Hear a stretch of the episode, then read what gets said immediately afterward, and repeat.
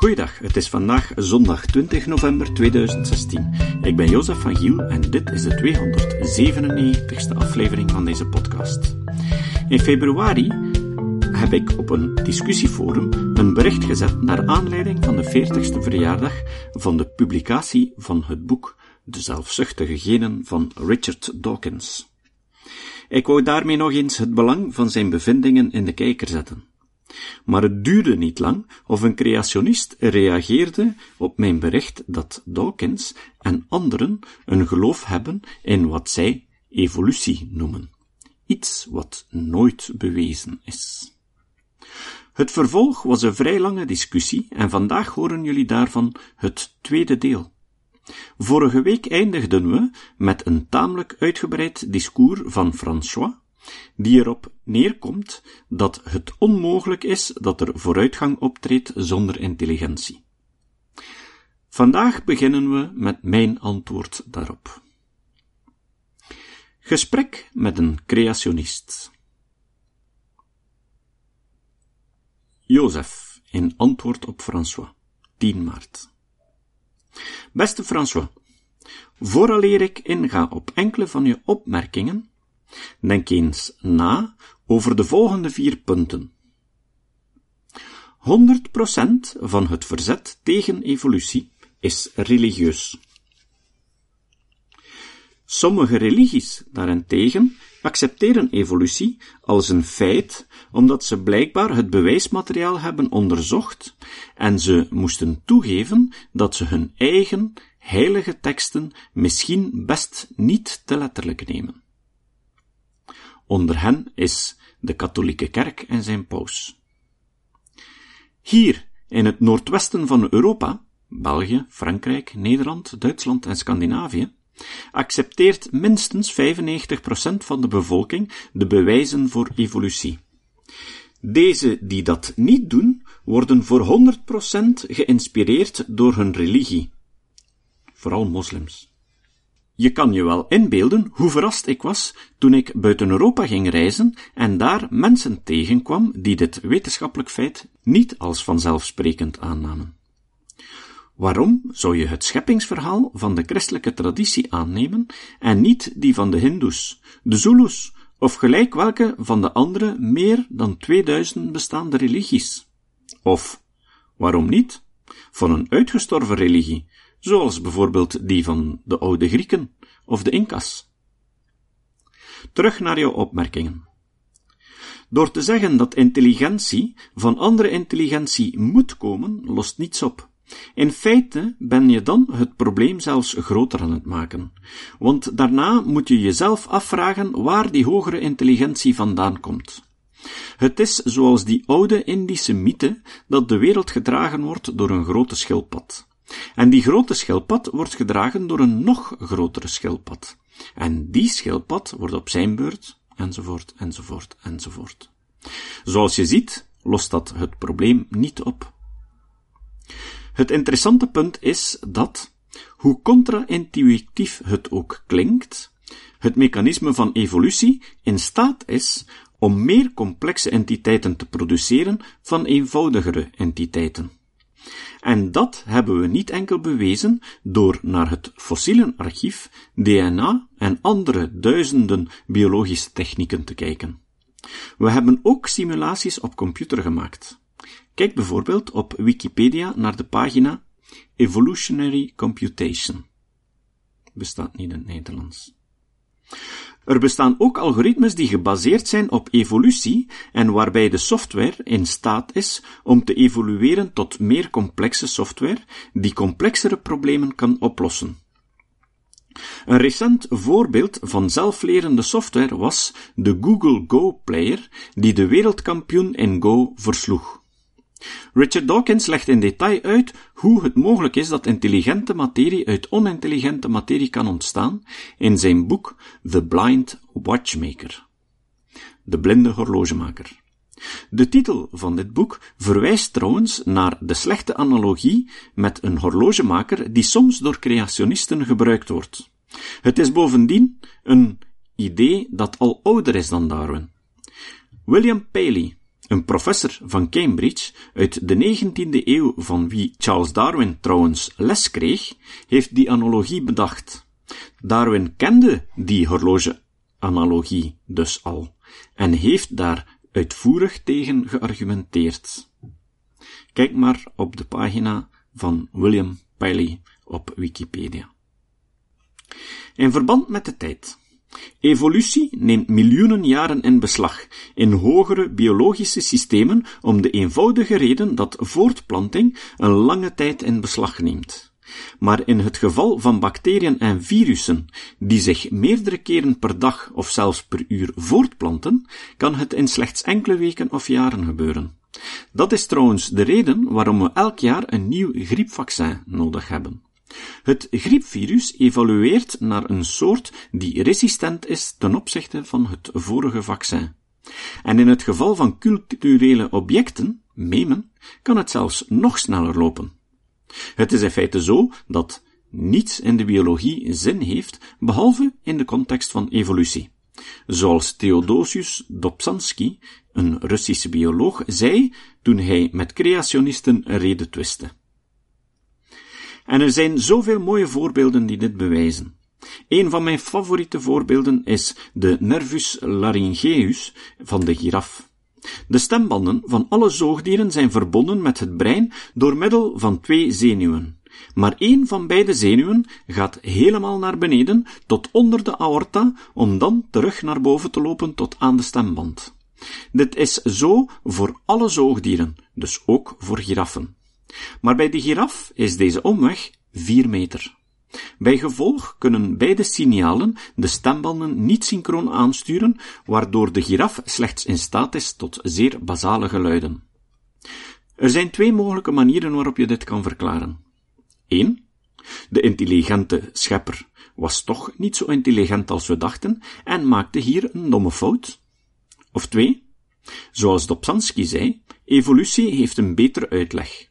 Je kan de uitleg op Wikipedia vinden. De link vind je op de notitiepagina. En we hebben er ook vroeger over gesproken.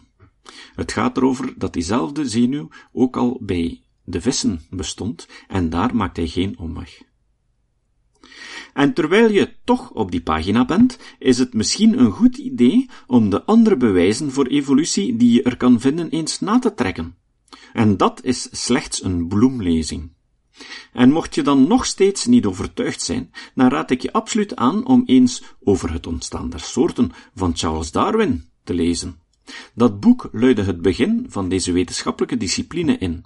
Het is zeer goed en zeer leesbaar geschreven, en je zal verrast zijn van de grondigheid waarmee Darwin zijn huiswerk gedaan had. Je kan er zelfs naar luisteren via LibriVox. Of lees Why Evolution is True van Jerry Coyne, of als je liever Dawkins hebt, het grootste spektakel op aarde. Ik hoop dat je open staat voor tegenargumenten. Ter informatie, ik heb de Bijbel in zijn geheel al gelezen, en ook grote delen van de Koran. Op dit moment ben ik aan het luisteren naar een podcast over de geschiedenis van de Indische filosofie. Ik hou ervan om mijn eigen vooringenomenheden uit te dagen, want dat is de manier waarop je een beter begrip kan krijgen van alles. François in antwoord op Jozef. 11 maart. Jozef, het is heel belangrijk om erop te wijzen dat er twee stromingen van evolutiegedachten zijn. Atheïsten zijn meestal verward over deze twee gedachtenstromingen en worstelen ermee om het verschil te zien. De eerste kan gebonden evolutie genoemd worden, waarbij zich enige fysische veranderingen kunnen voordoen, evolument, ik heb het op die manier proberen te vertalen, want het woord dat hij gebruikte bestaat niet. Binnen een specifieke soort voor de overleving en omwille van aanpassingsredenen. Deze veranderingen in de natuur zijn beperkt en bij gevolg gebonden. Dat is wat we in het echte leven observeren. Bijvoorbeeld, iemand die buiten in de zon werkt, zal een donkerdere huidskleur krijgen dan iemand die de ganse dag in zijn bureau werkt, enzovoort. De donkerdere huid zal meer bescherming tegen UV-stralen geven, en dat is de manier waarop God ons ontworpen heeft. Of het griepvirus dat resistent wordt aan een vaccin, omdat God het op die manier ontwerp om te overleven en het zo voor hem kan dienen voor vele redenen. Het virus is nog steeds een virus zonder brein en zal niet veranderen in een virus met een brein, zodat men zou kunnen vragen wie het brein is, intelligentie, dat het virus controleert. Ik denk dat de artsen die het vaccin ontwikkelden in ieder geval briljant moeten zijn. En hoe is het mogelijk dat een virus zonder brein het brein van menselijke artsen verslaat? Oké, ik weet het. Ze gebruikten de wetenschappelijke methode, tussen aanhalingstekens, om zichzelf te veranderen om beter te worden, maar zonder intelligentie, tussen aanhalingstekens, als bron voor verbetering. Het tweede kan evolutie genoemd worden. Evolutie staat ook telkens tussen aanhalingstekens, waarbij beweerd wordt dat evolutie verantwoordelijk is voor al de soorten die we rondom ons zien.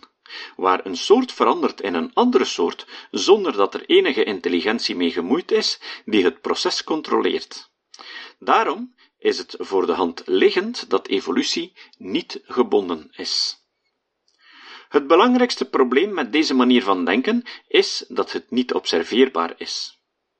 Er is nergens bewijs hiervoor te zien. Het enige dat het als bewijs heeft, komt van het gebonden evolutiedenkpatroon, alhoewel het duidelijk is dat gebonden evolutie helemaal geen evolutie impliceert, omdat ze gebonden is. Maar wil de imaginaire gedachten proberen om de twee denkpatronen als één en dezelfde te maken. Het is spijtig genoeg niet mogelijk, tenzij je eerlijkheid logent. De kern van de weerstand voor evolutietheorie is helemaal niet gebaseerd op religieus geloof. De weerstand tegen deze valse theorie is gebaseerd op eenvoudige logica en zuivere wetenschappelijke methodiek. Gelovers in evolutie houden ervan om te denken dat hun geloof gebaseerd is op wetenschappelijke principes, maar in tegendeel. Ze negeren het feit dat de evolutietheorie compleet faalt in de vereisten van de zogenaamde wetenschappelijke methode. Opnieuw tussen aanhalingstekens. Die belangrijk is voor elk wetenschappelijk onderzoek en ontwikkeling en die op die manier aanzien wordt als goede wetenschap. Volgens Wikipedia definieert de Oxford English Dictionary de wetenschappelijke methode als een methode of procedure die de natuurlijke wetenschappen gekarakteriseerd heeft sedert de 17e eeuw, bestaande uit systematische observatie, meting en experimenten en de formulering, testen en het veranderen van hypothesen.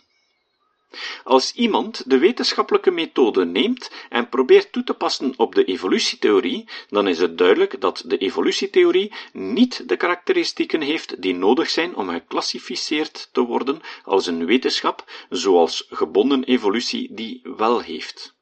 Als we één voor één elke stap in de wetenschappelijke methode nemen en toepassen op de evolutietheorie, dan zien we dat systematische observatie niet mogelijk is in de evolutietheorie, omdat het, buiten het feit dat we nooit een soort hebben geobserveerd die in een andere veranderde, we ook niet lang genoeg leven om een soort te zien veranderen in een andere, wat de observatie onsystematisch maakt. De enige zogenaamde observatie die gedaan wordt, is via het bestuderen van oude beenderen, fossielen en zeer fantasierijke geesten die goed zijn in het fabriceren van bewijs om te passen in een of ander patroon. Meting. Je kan niets meten als je hetgeen je wil meten niet kan observeren, zoals evolutie. Experimentatie. Je kan geen experimenten uitvoeren op iets dat niet meetbaar is, zoals evolutie. Formulering. Je kan niets formuleren als je geen experimenten kan doen.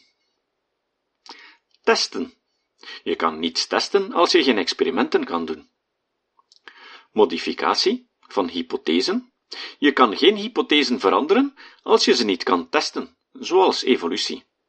Dus, als je kijkt naar de mislukking of onmogelijkheid van toepassen van evolutie op alle zes punten van de gekende wetenschappelijke methode, moet je besluiten dat de evolutietheorie onwetenschappelijk is in zijn totaliteit en daarom een imaginaire sprookjestheorie is die nutteloos is voor wetenschappelijke toepassingen. Dus, Jozef, de weerstand tegenover evolutie heeft niets, oftewel 0% te maken met religie maar alles met wetenschap, want de evolutietheorie is ontkracht op basis van zijn eigen beweerde premissen, wetenschap, zonder zelfs ook maar één keer God of religie te vermelden. Zoals ik al in een vorige discussie heb uitgelegd, niemand kan in de evolutietheorie geloven en tegelijkertijd in God, omdat de ene de andere ontkent. Als je het toch doet, ben je vals tegenover beide geloven. Dus, als de katholieke kerk en zijn paus en tegelijk welke andere persoon zowel in schepper God als in evolutie gelooft, hebben ze een vals geloof in beide. Je kan geen twee meesters dienen. Merk alsjeblieft op dat de echte God, met hoofdletter E en hoofdletter G, en schepper van alles, Jezus Christus, niets te maken heeft omdat religie een menselijke creatie is, terwijl Jezus Christus de schepper van het universum en alles erin levend en persoonlijk is met ons. Religie heeft geen belang. Alleen een persoonlijke relatie met de Almachtige God heeft enig altijd durend belang. Je vraagt me waarom ik het scheppingsverhaal van de christelijke traditie aanvaard en geen andere? Ik denk dat alle tradities in de wereld zullen aanvaarden dat de oorsprong van de mens er is door een scheppende God of iets hoger dan zijzelf.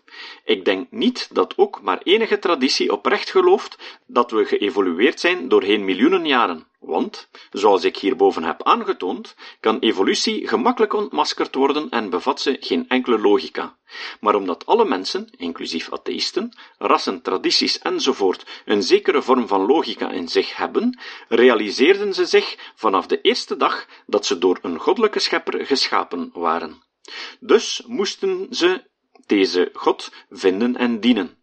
Sommigen streden om deze God te vinden en konden hem niet vinden, dus bedachten ze hun eigen imaginaire God op dezelfde manier als evolutiegelovers gedaan hebben.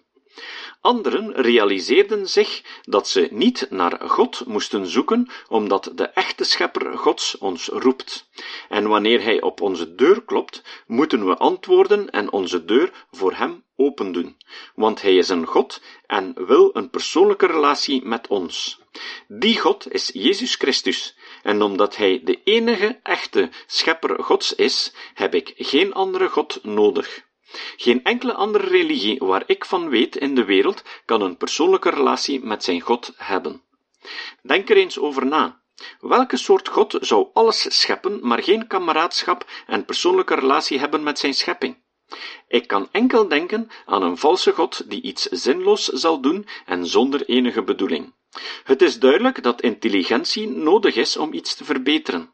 Vertel me eens waarom je naar school ging toen je jonger was en waarom je aan de universiteit, hogeschool, studeerde na het middelbaar. Inderdaad, je hebt gelijk. De reden was om meer ontwikkeld te worden en slimmer te worden, of met andere woorden, intelligenter over een onderwerp. Waarom zou je intelligenter willen worden over een onderwerp? Je hebt opnieuw gelijk. De reden is om het object kennis intelligent te gebruiken om de wereld te verbeteren waarin je leeft. Volgens jouw argumentatie moet je kinderen niet naar school of de universiteit sturen, omdat evolutie verbetering zal uitselecteren zonder intelligentie. Het is voor de hand liggend van waar de hogere intelligentie komt, want het kan alleen maar komen van de schepper Gods. Voor christenen is het probleem dus opgelost. Voor jou is het niet opgelost en het zal voor jou nooit opgelost zijn, omdat je de waarheid negeert en je niet klaar bent om de realiteit onder ogen te zien. Imaginaire sprookjes zouden jou ook niet helpen om je te verstoppen voor de waarheid. Waarheid met hoofdletter. Het is evident waarom biologische observaties, zoals jouw virusvoorbeeld, lijken complexere eenheden te produceren van simpelere, namelijk omdat God leeft en zijn schepping controleert.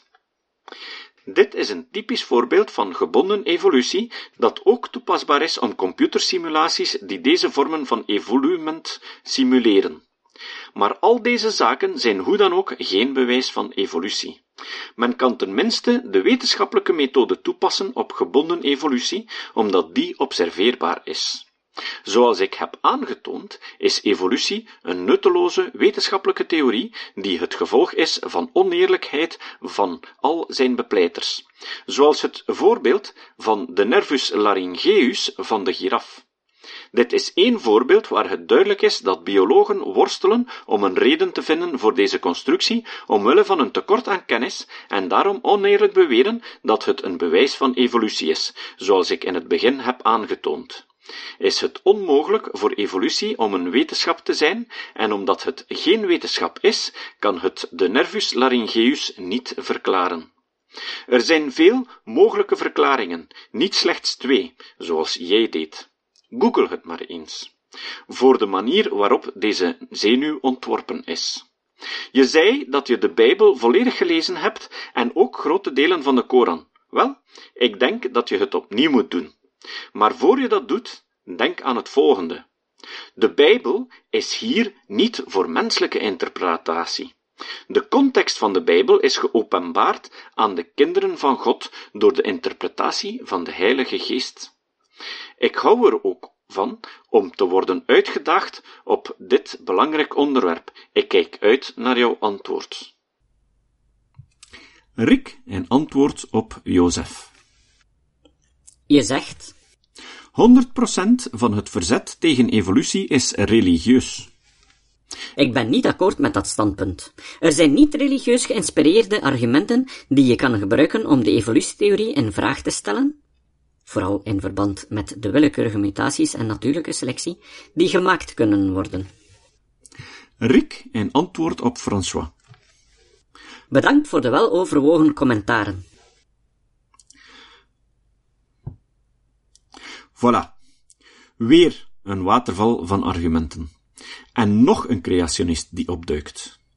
Pff, dat was eventjes diep inademen. Hoe begin je hieraan?